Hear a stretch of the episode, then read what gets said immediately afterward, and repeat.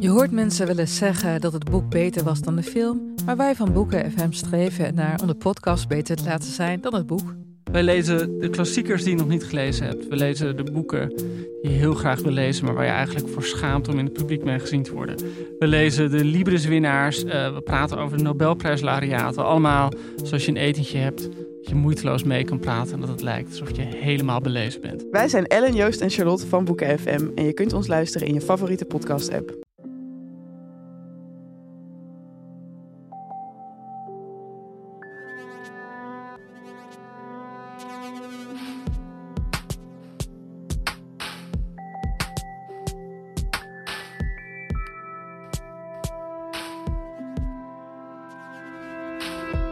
Hey, ik ben Pieter van Relaas. In Relaas hoor je waar gebeurde verhalen en die worden verteld door de mensen die ze zelf hebben meegemaakt. We laten Jennifer vertellen. Het is een reisverhaal. Zo hebben er eigenlijk wel best veel bij Relaas, maar toch, die zijn toch altijd uniek. En deze keer is het reisverhaal tegelijkertijd een familieverhaal. Met een reunie met iemand die Jennifer zo graag ziet dat ze er hemel en aarde voor zou bewegen.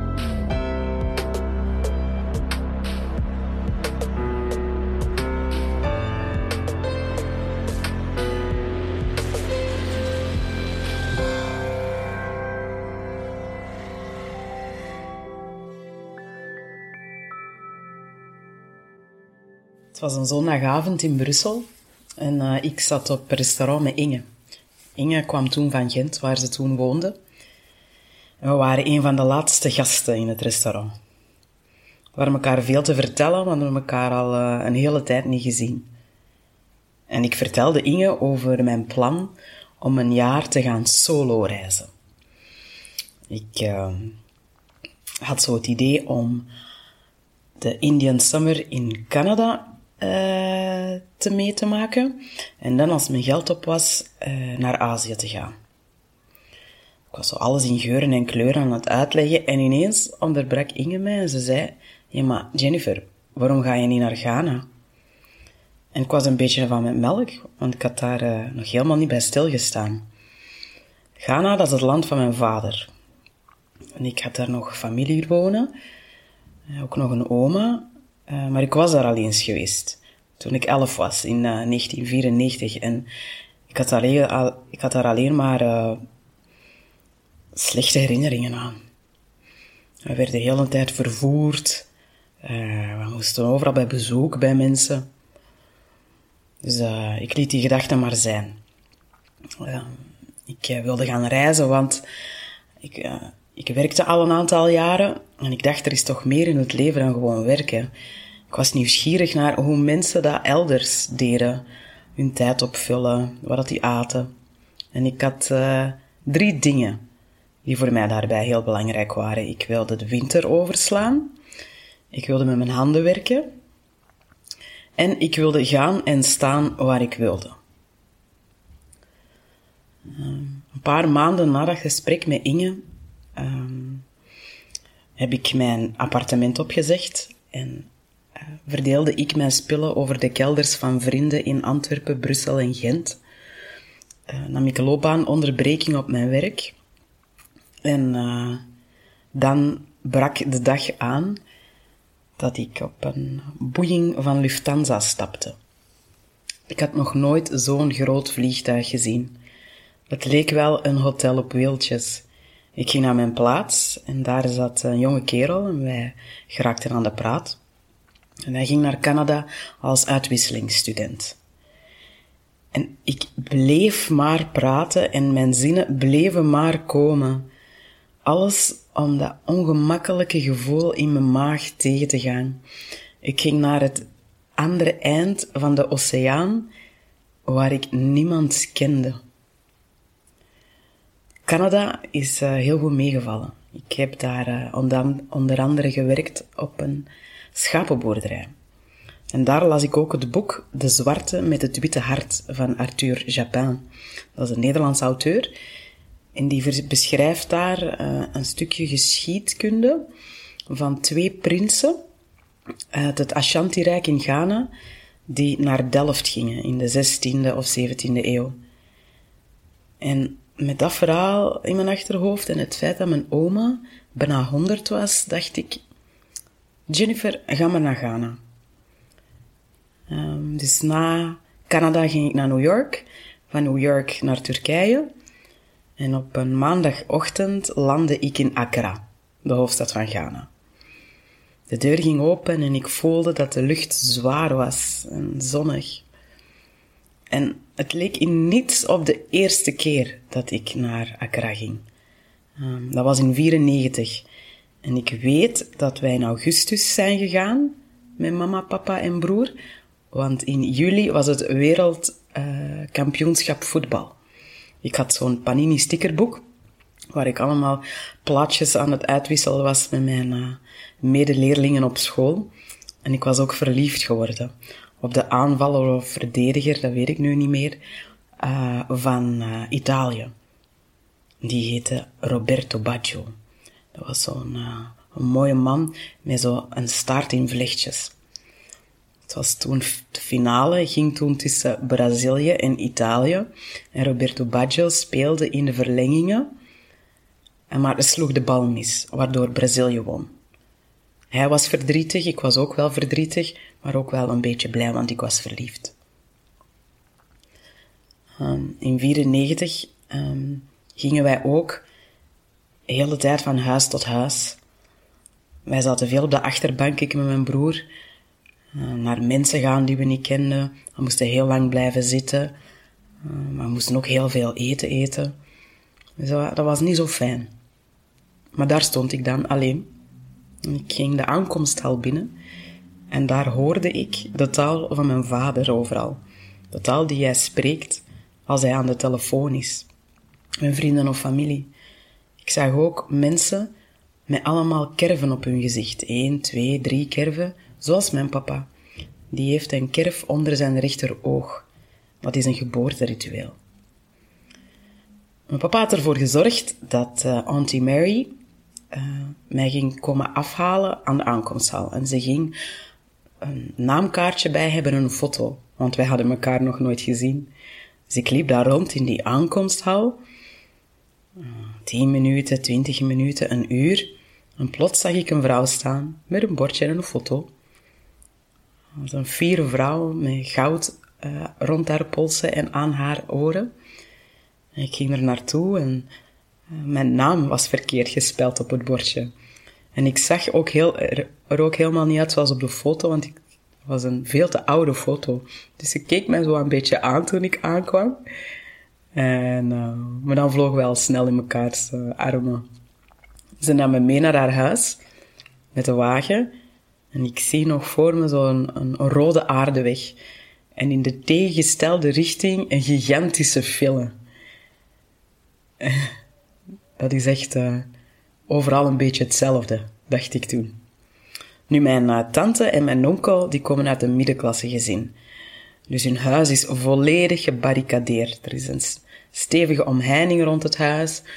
Alle vensters, uh, voor alle vensters zit er tralies. Er zijn twee gevaarlijke honden en ook twee bewakers die continu het huis bewaakten. Mijn tante zei ook dat het heel gevaarlijk was buiten.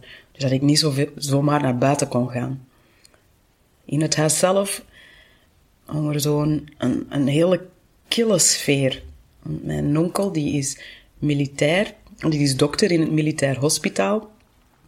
En die, die bracht ook een beetje die, die sfeer mee naar huis. Um, dus de eerste dagen zat ik mij dood te vervelen op mijn kamer. Na, maar, maar na een paar keer gebeld te hebben met mijn vader, uh, ging ik naar buiten. Kon ik eindelijk Ghana zien. Uh, ik zag allemaal dieren rondwandelen op straat. Uh, kindjes eh, in schooluniformen. Eetstalletjes, stalletjes waar ze kleren verkochten. Heel luide muziek. En ik heb mij ook geperfectioneerd in de kunst van het afdingen. Heel belangrijk daar. Maar ik was daar om oma te zien. En ze was bijna honderd. Dus ik uh, vroeg aan mijn tante of dat ik daar alleen naartoe mocht gaan. En na veel vijven en zes heeft ze dat toegestaan. Dus ik ging terug naar Accra, de hoofdstad. En nam daar de meest comfortabele bus die ik kon nemen, VIP-bus. En op de bus kwamen er een hele race verkopers voorbij, zoals een medicijnenman met poedertjes en pilletjes tegen impotentie en kaalheid. Een steenpuiste, een uh, priester, die uh, tegen betaling zegende voor een veilige reis. Uh, kindjes en vrouwen die appelsinen verkochten, bananen en nootjes. En, de reis die ging een, een halve dag duur, maar die heeft veel langer geduurd. Want we zaten wel op een VIP-bus, maar de weg zat vol met bulten en putten, waardoor het leek alsof we op een springkasteel zaten. En natuurlijk hadden we ook platte band, waardoor ik veel later toekwam op mijn eindbestemming. Um, en daar kwam een tante me halen, die me toen ook zei dat we niet naar oma konden gaan omdat het te laat was. Omdat we de dag erna in de ochtend gingen vertrekken. Ja, ik baalde wel. En we vertrokken niet in de ochtend, maar rond de middag. Samen mijn tante in de wagen. En toen we aankwamen in het geboortedorp van mijn vader, moesten we eerst nog langs gaan bij de oudste broer van mijn oma, mijn grootoom. Ja, heel koppig ging ik uit de wagen naar zijn huis.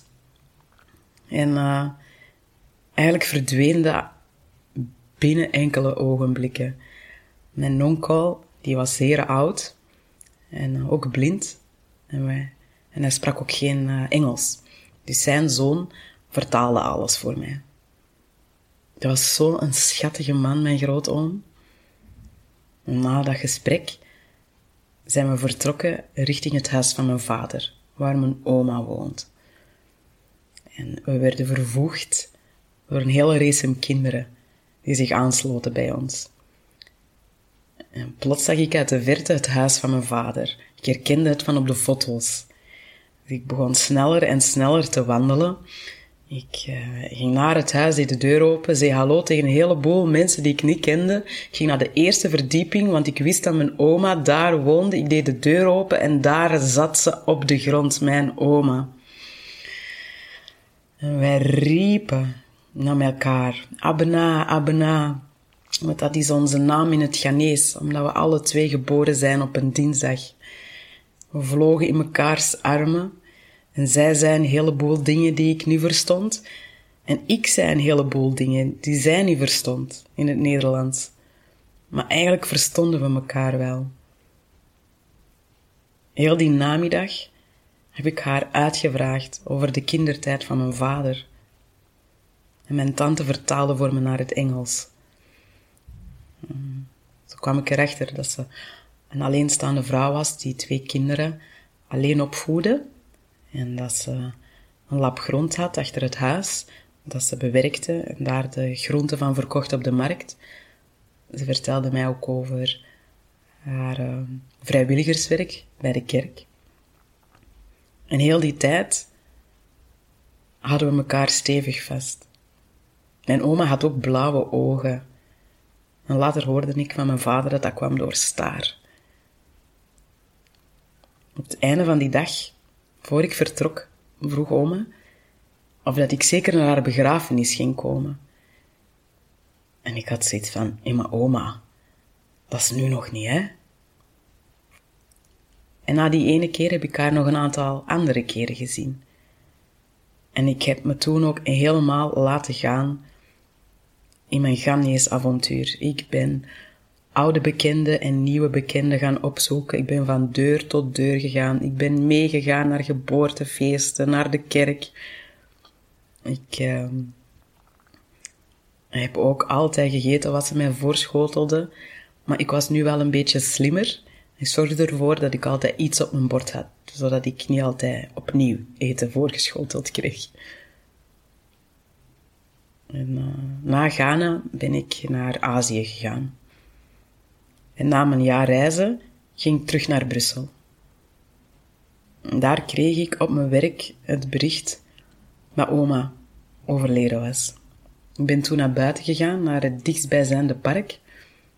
Dus, uh, ik ging naar eh, het park van de botaniek en ik zocht daar de meest exotische bomen uit. Het was zonnig en ik zat Ik ging zitten op een bankje tegenover de boom. En ik heb heel de tijd gedacht en gepraat met mijn oma.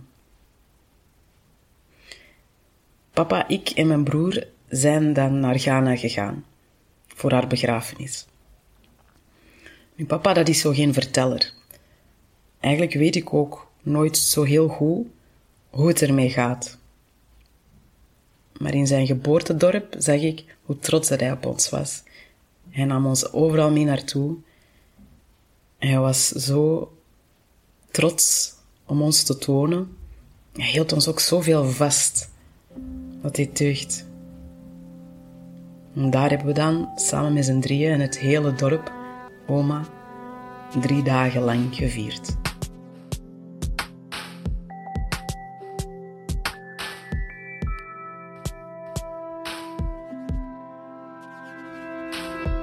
Dat was het relaas van Jennifer. Ze heeft het voor relaas verteld in juli van 2020 en daarvoor ook al eens in het kort op onze verhalencarousel. En we vonden het toen zo mooi dat we onmiddellijk gevraagd hebben aan Jennifer: wil je het nog eens opnieuw, maar in het lang en in het breed vertellen voor relaas? Jennifer, ik ben ongelooflijk benieuwd naar die oma van jou. Ook wel een beetje naar Ghana, nog nooit gezien. Maar zowel jouw oma als Ghana klinken geweldig. Misschien heb je wel zelf een reisverhaal of een familieverhaal of familiereisverhaal door elkaar. Deel het met ons. Je kan een kort tekstje achterlaten op onze website of eens meedoen met onze verhalencarousel en dan kan je het al eens in kort vertellen. En als je er dan een volledig relaas van wil maken, dan zullen wij jou daarbij helpen. Wij coachen jou op weg naar het podium in Gent of in Antwerpen.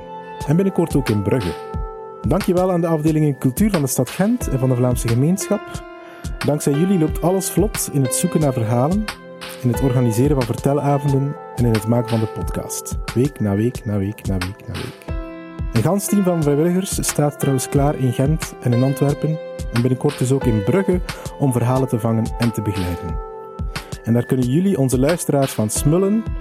Als jullie dit verhaal tof vonden of het deed jullie aan iemand denken, alsjeblieft, stuur het gewoon door naar die persoon. Hij of zij zal er heel hard van genieten en je doet er ons ook een plezier mee. Tot de volgende!